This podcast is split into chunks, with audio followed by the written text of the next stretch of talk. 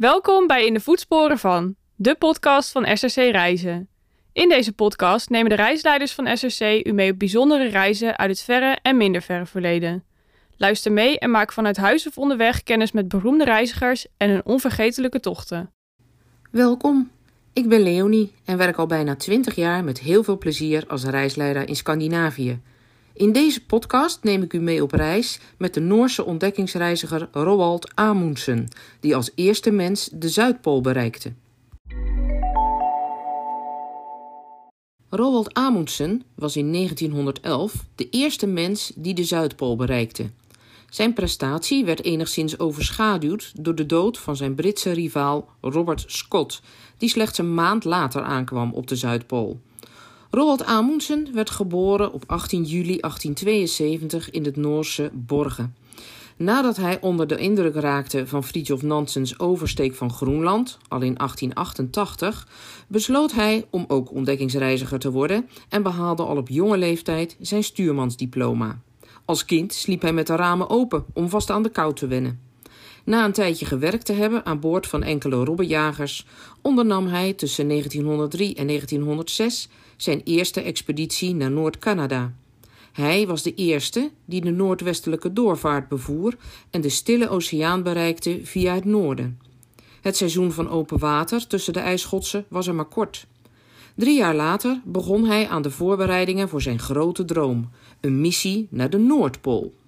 Vlak nadat Amundsen genoeg investeerders had gevonden om zijn reis te financieren, kreeg hij echter te horen dat er al iemand anders op de Noordpool aangekomen was.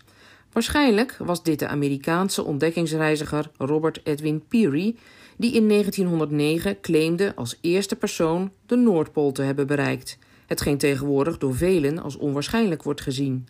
Ook Frederick Cook claimde de Noordpool bereikt te hebben. Voor de buitenwereld hield Amundsen vol dat dit geen probleem vormde, omdat hij met zijn reis een wetenschappelijk doel nastreefde. Maar in het geheim besloot hij zijn bestemming te veranderen, naar de Zuidpool. De Noor besloot zijn investeerders hiervan niet op de hoogte te stellen. En ook Fridtjof Nansen, van wie Amundsen het schip Fram had geleend, wist niets van deze verandering. Fram was een schip met een zeer schuine gewelfde romp dat tussen ijsschotsen kon doorvaren en boven het ijs uit zou stijgen als de druk onder het schip te groot werd. Zelfs de bemanning werd pas in Madeira op de hoogte gesteld dat zij richting de Zuidpool in plaats van de Noordpool voeren. Degenen die niet mee wilden op de tocht konden hier nog van boord. De Fram voer op 3 januari 1911 het pakijs in en kwam drie dagen later weer in het open water van de Roszee. Op 11 januari kwam het Ros ijsplateau in zicht en op 14 januari werd aangemeerd in de Bay of Wales. De Bay of Wales is een baai in de Rosszee bij Antarctica en ligt aan de rand van het Ros ijsplateau ten noorden van het eiland Roosevelt. Amundsen besloot hier zijn uitvalsbasis Framheim te bouwen. De ondergrond leek hem daar het meest geschikt voor, omdat er geen risico op afdrijven bestond. Ondertussen was ook de Britse ontdekkingsreiziger Robert F. Scott op zijn schip de Terra Nova onderweg naar de Zuidpool. Aanvankelijk was Scott van plan om zijn reis op een rustig tempo te ondernemen en veel tijd te besteden aan wetenschappelijk onderzoek. Maar toen hij hoorde over de koerswijziging van Amundsen, ontstond er een race naar de Zuidpool. Op het moment dat Scott arriveerde in de natuurlijke ijshaven van de Bay of Wales, had Amundsen hier al zijn uitvalsbasis opgericht. Scott besloot daarop nog 100 kilometer oostelijker te varen en vestigde zich uiteindelijk op McMurdo Sound. Zowel Amundsen als Scott organiseerden vervolgens expedities om voorwaartse basis op te zetten maar geen van beiden slaagde erin om voor het invallen van de Arctische winter in april de Zuidpool te bereiken. Pas half oktober konden beide groepen weer beginnen aan hun expeditie naar de Zuidpool. Naast de gunstige uitvalsbasis, de Bay of Wales lag ruim 111 kilometer dichter bij de Zuidpool dan McMurdo Sound, had Amundsen ook de beschikking over meer ervaring en beter materiaal. Zo maakte Scott gebruik van ponies en motorsleden om de voorraden te vervoeren, terwijl Amundsen simpelweg koos voor hondensleeën. Ondanks dat Amundsen uiteindelijk ruim de helft van zijn honden af moest maken om de rest te kunnen voeden, bleek hij toch de betere keuze gemaakt te hebben door de inzet van honden hoger te waarderen dan Scott en ze deelgenoot te maken van de hele onderneming. De motorsleden van Scott liepen namelijk al snel vast in de sneeuw en ook de ponies bleken niet bestand tegen de kou. Ponies waren nauwelijks te redden als ze in spleten vielen, konden geen holen graven in de sneeuw ter bescherming van de kou en niet hun overleden kameraden opeten om zelf te overleven. Scott kon er persoonlijk ook niet tegen honden te zien lijden, ze niet doodschieten en niet opeten. De Britten waren daarom uiteindelijk genoodzaakt hun voorraden zelf mee te dragen, waardoor ze per dag veel minder kilometers konden afleggen. Amundsen koos voor een route over de gletsjer die vrijwel vlak voor hen lag, op de directe route naar de Pool, die hij naar een van zijn belangrijkste sponsors, de Axel Heiberg Gletscher, noemde. Hij vertrok met vier teamleden: Olaf Bjaland, Helmer Hansen, Sverre Hassel en Oscar Wisting. Elk van zijn teamleden had een slede getrokken door dertien honden. In vier dagen klaarden ze de klus en op 21 november bereikten ze het Antarctisch plateau. Bovengekomen werden, zoals vooraf gepland, in het kamp 24 honden gedood om de overblijvende dieren van voedsel te voorzien. Op 25 november begon de tocht over de hoogvlakte, maar sneeuwstormen en bijzonder slecht terrein vertraagden de voortgang. Op 14 december bereikte hij met de 16 overgebleven honden de Pool zelf. Het was dan ook de Noorse expeditie onder leiding van Roald Amundsen die op 14 december 1911 als eerste de Zuidpool bereikte.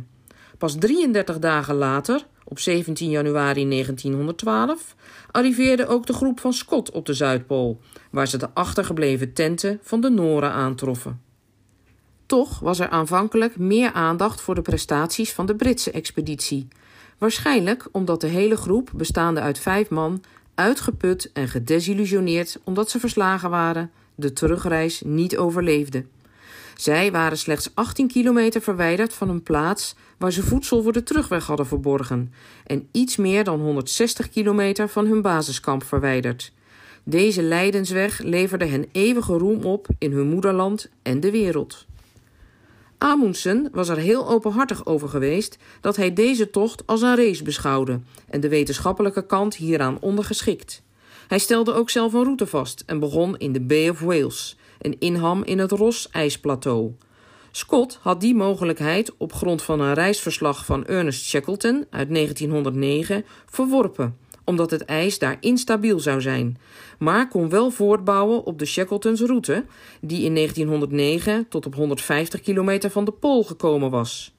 Amundsen zou zijn eigen weg moeten vinden, maar zijn basiskamp lag wel 96 kilometer dichter bij de Pool dan Scotts basiskamp, en er zaten bovendien talloze zeehonden die als voedsel konden dienen.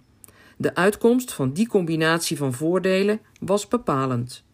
In een persoonlijk verslag van Roald Amundsen over het bereiken van de Zuidpool schrijft hij: Toen ik daar stond, had ik niet het gevoel, hoewel ik weet dat het een veel groter effect zou sorteren, dat ik mijn levensdoel had bereikt.